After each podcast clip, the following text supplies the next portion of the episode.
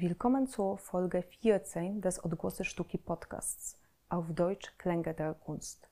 Das heutige Thema ist das neue Gebäude auf dem Gelände der Internationalen Jugendbegegnungsstätte in Oświęcim, Auschwitz. Ein Raum für ein großes Kunstwerk namens Birkenau von Gerhard Richter. Für die Gestaltung des Gebäudes ist der Künstler selbst verantwortlich. Aus diesem Anlass möchte ich darüber sprechen, wie das Menschheitsverbrechen des Holocaust durch Kunst vermittelt werden kann. Mein Gast ist Sabine Moritz-Richter, eine deutsche Malerin, Grafikerin und die Ehefrau von Gerhard Richter. Frau Moritz-Richter lebt und arbeitet in Köln. Seit fast 30 Jahren begleitet sie neben ihrer Tätigkeit als Künstlerin Gerhard Richter und beobachtet seinen Schaffensprozess. Ich vermute, man kann also sagen, dass sie sein Werk mit am besten kennt. Frau Moritz Richter, es ist mir eine Ehre, dass Sie heute mit mir über den Birkenau-Zyklus sprechen werden. Der Bau im Oświęcim besteht nicht nur aus den Faksimil der Werke auf Metallplatten, sondern ist eine Installation, ein Gesamtkunstwerk.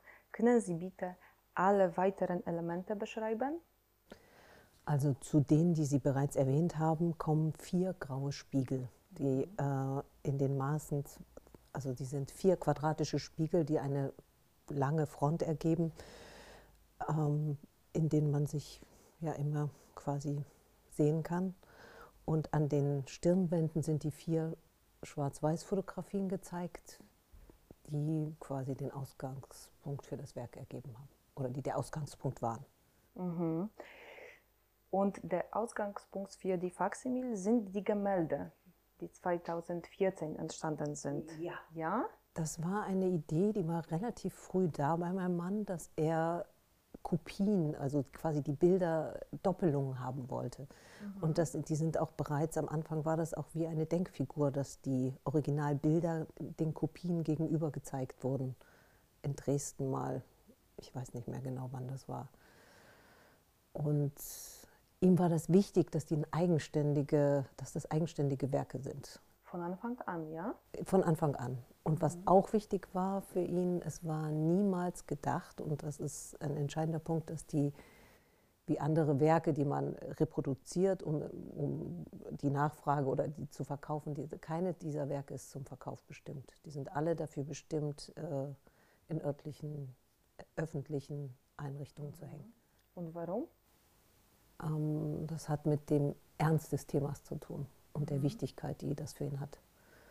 Und wenn wir kurz über die Gemälde sprechen äh, können, äh, weil die sind entstanden in verschiedenen Phasen. Können Sie ein bisschen mehr über den Entstehungsprozess von den Gemälden um, sagen? Ja, da gab es am Anfang diese vier großen Leinwände, 2,60 mhm. Meter, wie Sie sagen, ja. mal zwei Meter.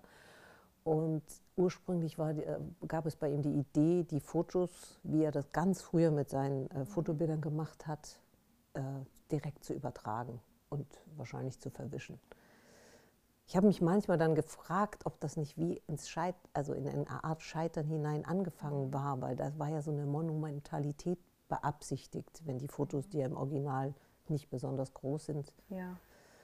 Äh, so in diese Größe zu übertragen. Es war vielleicht auch die Hoffnung, es hätte ja vielleicht funktionieren können. Und er hat tatsächlich alle tatsächlich gemalt, in Schwarz-Weiß verwischt und er hat gemerkt, aber es funktioniert nicht als Bild, es geht nicht. Mhm. Das ist schwer zu erklären. Ich, äh, und dann fing er an abzukratzen, andere Farben zu nehmen, zu, zu überrakeln. Mhm. Und es war langwierig, was oft nicht geglaubt wird, weil das manchmal dann so eine ja. Und wie lange hat dieser Prozess gedauert? Ich, also ich kann es so im Detail nicht mehr sagen. Okay. Es ging okay. aber über mehrere Wochen. Mhm. Ja. Und wann hat Gerhard Richter für das erste Mal die Fotos äh, von äh, Mitgliedern des Sonderkommando von 1944 gesehen? Ähm, das ist auch was, was ich nicht genau weiß. Ich mhm. glaube, dass die Bilder an oder die Fotos ihm wahrscheinlich schon sehr lange bekannt waren. Aber so eine richtige Aufmerksamkeit haben sie bekommen, als äh, die Besprechung eines Buches von Didi Übermann, Bilder trotz allem, Aha. in der FAZ waren. Und seit der Zeit, das kann 2011 gewesen sein, hing okay. immer ein Foto bei ihm an der Wand. Im Atelier? Und Im Atelier, ja. In seinem kleinen äh, Atelier. Hatte zwei Räume, ein kleines und ein großes mhm. Atelier. Mhm. Und da, wo sein Schreibtisch ist, hing auch immer neben anderen Dingen eins dieser Fotos. Mhm. Und der Ausgangspunkt für die Bilder waren die Fotografien, aber doch im Endeffekt sehen wir abstrakte Bilder. Ja. Können Sie diese Brücke zwischen figurativ und abstrakt äh, für das Publikum erklären? Wie war denn dieser Gedankenprozess? Hm, ich glaube, ich kann es nicht besser erklären, als wie ich es bereits gesagt habe, mhm. Dass er ein figuratives Bild versucht hat, was aber nicht seinen Kriterien und Ansprüchen genügt hat, mhm. wie er sich das vorgestellt hat, wie die Birk Bildwirkung sein sollte. Mhm. Und da war das der Ausweg. Als Künstler sucht man immer Auswege, wenn irgendwas nicht funktioniert. Stimmt, ja. stimmt.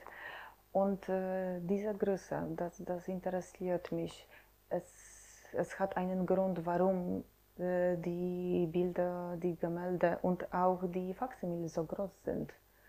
2,6 mal 2 Meter. Vielleicht hat er unbewusst schon geahnt, dass es nur in der Abstraktion möglich sein wird, das annähernd umzusetzen, was ihm vielleicht vorschwebte. Mhm. Deswegen hat er wahrscheinlich diese Größe gewählt. Ich habe auch ihn mal gefragt und gedacht, hey, wenn ihr die Fotos, wäre doch viel einfacher gewesen. Erstmal ein bisschen kleiner. Aha. Nein, nein, nein. Weil, weil die originalen. Fotos sind sehr mhm. klein, ja? ja? Und im Kontrast dazu sind die Werke sehr groß. Und äh, wenn wir ein bisschen mehr über den Status von Kunstwerken äh, sprechen, weil die originalen Gemälde befinden sich in der Stiftung des Künstlers. Ja, ja. Und dann äh, gibt es diese extra Edition von vier. Ja? Oder die Originalen sind auch in der Edition. Wie ist es eigentlich? Ähm, die Bilder die gaben eigentlich auch den Ausgangspunkt, die Stiftung zu gründen, weil er gedacht hat, als, ah. als sie fertig waren, dachte er, das will er nie, dass die in den Markt kommen oder ein Museum kaufen oder irgendwas. Und in die Stiftung hat er dann auch noch mehr Bilder und Zeichnungen gegeben. Und wie ich schon sagte, ist es wichtig, dass für ihn, dass alles, was mit den Birkenau-Bildern zu tun hat, nicht kapitalisiert wird, nicht verkauft wird, mhm. nicht, sondern einfach immer äh, in der, Öffentlich also der Öffentlichkeit zur Verfügung steht. Und deswegen sind auch diese Fotoversionen so wichtig, weil die ja auch an, in verschiedenen Museen zu sehen sind. Unter anderem im Reichstag ist eine und ich im Lehnbachhaus in Dresden und eben jetzt hier in Und die vierte? Oswiecim in Oswiecim und in, eine ist noch in, in der Stiftung. Ah, ja. und in der Stiftung. Ja. ja. Und äh, eigentlich, welche anderen Bilder dann äh, befinden sich in der Stiftung? Was ist die Aufgabe der Stiftung? Ähm, welche, also die anderen Bilder, da gibt es auch ein Buch, da kann man das alles Aha. nachschauen. Und die, es gibt ein, sagen wir mal, gut zwei Drittel sind derzeit in Berlin. Oder gibt es eine langfristige Kooperation mit, dem, mit der neuen Nationalgalerie in Berlin und andere, ein anderes Drittel ist in Dresden und dann gibt es noch verschiedene andere Museen, die davon profitieren. Und die Aufgabe der Stiftung ist, dass Bilder von Gerhard Richter in Museen hängen können und Lücken in Sammlungen schließen, wo die Museen vielleicht versäumt haben oder nicht, nicht mehr Bilder kaufen können. Also die Stiftung ist quasi, also die Bilder sind weggegeben, aber die Stiftung ist quasi nur noch so eine Art Instrument, um ja, um die Kooperation mit den Museen lebendig zu halten. Also, dass Bilder nicht im Depot verschwinden oder dass sie mhm. sichtbar bleiben. Aber sie können alle Bilder, die in der Stiftung sind, können nicht mehr äh, verkauft werden, zum Beispiel. Also sind quasi dauerhaft für die Öffentlichkeit mhm. bestimmt. Und es befinden sich in der Stiftung die originale Bilder ja. und die Faksimil. Ja. ja. ja. Also beide. Ja. Und die Birkenau-Serie ist eigentlich nicht das einzige Werk, in dem sich der Künstler mit dem Holocaust auseinandersetzt. Ja? ja. Und woher kommt Ihrer Meinung nach äh, das Interesse des Künstlers aus diesem Thema? Das kommt aus seiner Privatgeschichte? Ich denke, es kommt aus seiner Privatgeschichte, mhm. aus, aus seiner Kindheit. Er hat ja oft über, die, äh, über das äh, Schicksal seiner Tante gesprochen, die in dem Euthanasieprogramm der Nazis zum Opfer gefallen ist. Und ich glaube, als sensibler deutscher Mensch mhm. ist man automatisch immer mit dieser Geschichte beschäftigt. So. Das ist so wie ein Muss, mhm. vielleicht, ja. Und gerade für ihn nochmal besonders, weil er ja auch diese verschiedenen Systeme erlebt hat. Quasi, als er geboren wurde, gab es noch die Weimarer Republik, dann kam das Dritte Reich, dann gab es so ein Zwischendeutschland, dann die DDR, Westdeutschland, jetzt das wiedervereinigte Deutschland. Das ist schon ganz schön viel Geschichte. Und es gibt nicht nur abstrakte Bilder zu diesem Thema wie mit dem Birkenau-Serie, aber auch figurative Bilder. Figurative Bilder, besonders aus, in seiner Zeit in den 60ern, als er noch und 50ern, 60ern, 60ern natürlich, die äh, Fotobilder gemacht hat. Und äh, was denken Sie, was bedeutet es für Ihren Mann, dass äh, seine Bilder in einer äh, Holocaust-Bildungseinrichtung in der Nähe des ehemaligen Lagers, also das ist äh, circa vier Kilometer von dem Lager äh, jetzt, dass sie ausgestellt wurden? Ich glaube, dass es ihm sehr, sehr wichtig ist. Das ist wie ein, man prüft die Bilder. Sie kommen an, ihren, an den Ursprung, was überhaupt diese Bilder verursacht hat, zurück. Hier, wo hier soll ja auch was, ah, das ist ja ganz wichtig, dass was am Leben erhalten wird, diese permanente Erinnerung. Das, mhm. Und das ist ja was, wo jede Generation sich wieder mit auseinandersetzen muss. Und ich glaube, das war deswegen ist es sehr bedeutend, dass er da so, ein, so eine Markierung gesetzt hat. Und dass es auch äh, von den ehemaligen Häftlingen so äh, entschieden wurde, ja? dass ja, sie hier ja, kommen. Ja, ja, ja. Da gab es sehr viel positive Resonanz und Unterstützung. Ähm, um nochmal auf Ihre Frage zurückzukommen, möchte ich mit dem Grußwort, was mein Mann für mhm. den heutigen Tag äh, geschrieben hat, schließen also in seinem Namen, ich bin dankbar, hier einen Beitrag geleistet zu haben, der den Schmerz über die unfassbare Grausamkeit unseres Verbrechens mildert und gleichzeitig seine Aktualität lebendig hält. Und es schmerzt mich, dass ich heute nicht hier sein kann. Vielen Dank für ja. das Gespräch. Im zweiten Teil des Podcasts hören Sie zwei Ausschnitte, die am 9. Februar 2024 bei der Eröffnung des Gerhard Richter Ausstellungshauses Birkenau aufgenommen wurden. Es handelt sich um ein Interview mit Gerhard Richter, das 2016 in der Frankfurter Allgemeinen Zeitung erschienen ist. Gelesen wird es von den Schauspielern Lech Rodatsky und Magujata Gwuscht. Anschließend hören Sie einen Auszug aus der Rede von Marian Turski. Auszüge aus dem Interview mit Gerhard Richter – man kann Auschwitz nicht abmalen. Frankfurter Allgemeine Zeitung vom 25. Februar 2016. Die Fragen stellten Julia Voss und Peter Geimer.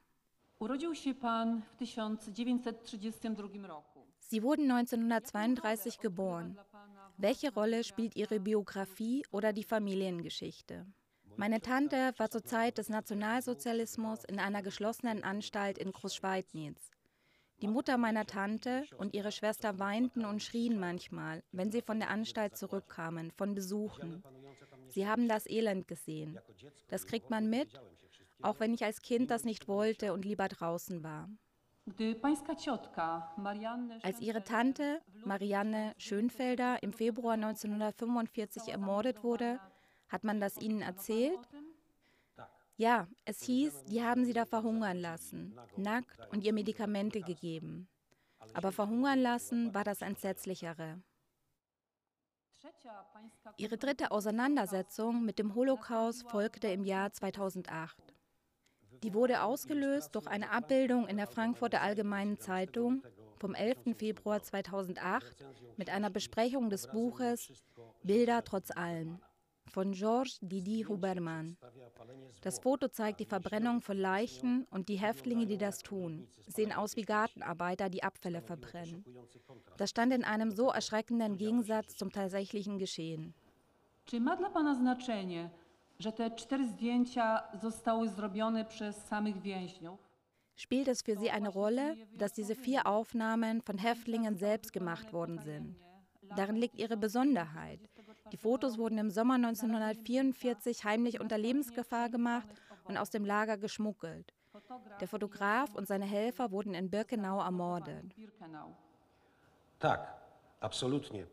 Ja, unbedingt.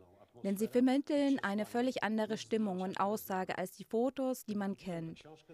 Als ich das Buch gekauft habe, sah ich, dass es vier Bilder sind und da stand dann die Idee, das doch zu malen, trotz meiner Zweifel, dass das funktionieren würde, dass ich durch das Abmalen Bilder erzeugen könnte.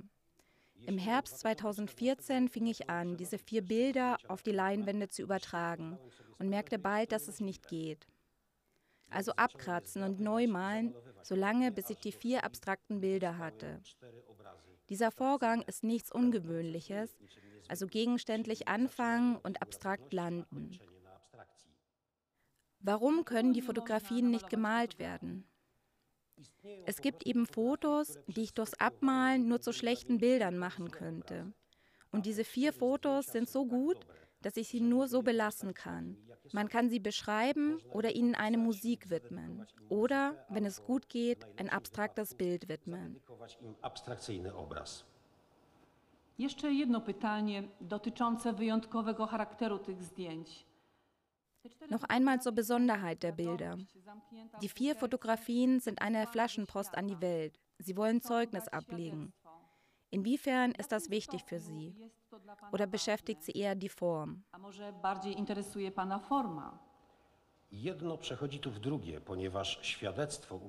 Das geht ja ineinander über, weil eine zeugnisablegende Flaschenpost ist ja selbst schon eine Form und wir werden ihr weitere Formen geben, um den Inhalt zu vermitteln.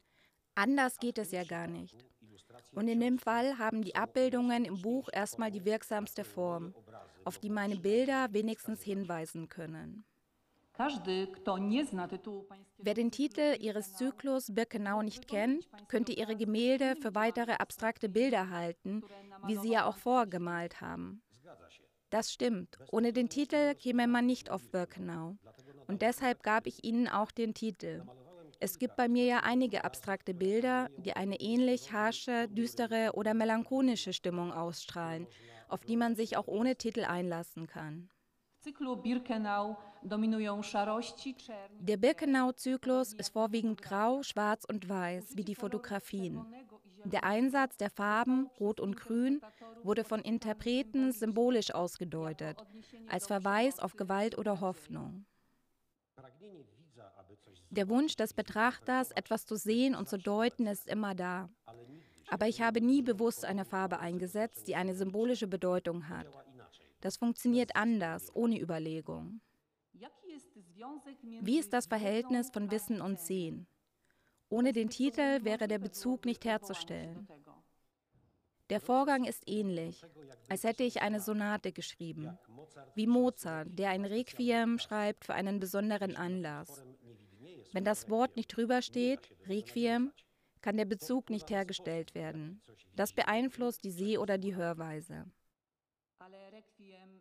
Requiem ist aber ein weniger aufgeladenes Wort als Birkenau. Wer den Titel hört, kann und soll die abstrakten Bilder nicht mehr getrennt davon sehen. Das ist die Absicht. Und in der Ausstellung werden zusätzlich die vier Fotos der Häftlinge gezeigt, nicht als Kunstwerk, sondern als Dokument und Memento. Denn grundsätzlich treibt auch der Wunsch, irgendetwas zu tun und sich zu wehren gegen das Elend, gegen unsere Grausamkeit und Bosheit. Wir sind ja nicht nur böse. Sie haben den Vergleich mit der Musik gezogen. Würden Sie sich dagegen wehren, wenn Ihre Gemälde als Mahnmal bezeichnet werden? Nein, gar nicht. Auszüge aus einer Rede von Marian Turski, ehemaliger Auschwitz-Häftling und Präsident des Internationalen Auschwitz-Komitees, anlässlich der Eröffnung des Gerhard Richter Birkenau Ausstellungspavillons am 9. Februar 2024 in der Internationalen Jugendbegegnungsstätte in Oświęcim. Więc są to artystycznie słabe ale są to robione przez samych więźniów. Sie sind künstlerisch gesehen schwach, aber sie sind von den Häftlingen selbst aufgenommen worden. Diese vier ikonischen Fotos, die überlebt haben. Die Negative wurden dank des großen Mutes einer polnischen Frau, Helena Daton, einer Zivilarbeiterin aus dem Lager geschmuggelt.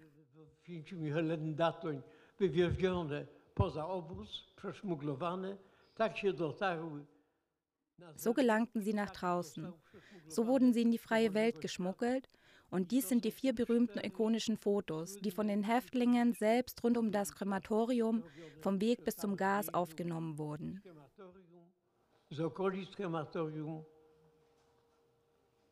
drogi do gazu. W roku 2008 Frankfurter Allgemeine Im Jahr 2008 veröffentlichte die Frankfurter Allgemeine Zeitung diese Fotos, worauf Gerhard Richter sie dann zu sehen bekam. Und Gerhard Richter erzählt uns immer wieder, dass diese Fotos ihn inspiriert haben, auszudrücken, wie er es sieht, wie es in ihm steckte, wie es aus ihm herauskam. Jak to w nim się działo, jak to z niego wyszło, Richter właśnie do mnie przemawia. Ponieważ to, co on widział i on pokazuje, to są zdjęcia ikoniczne, to są zdjęcia autentyczne.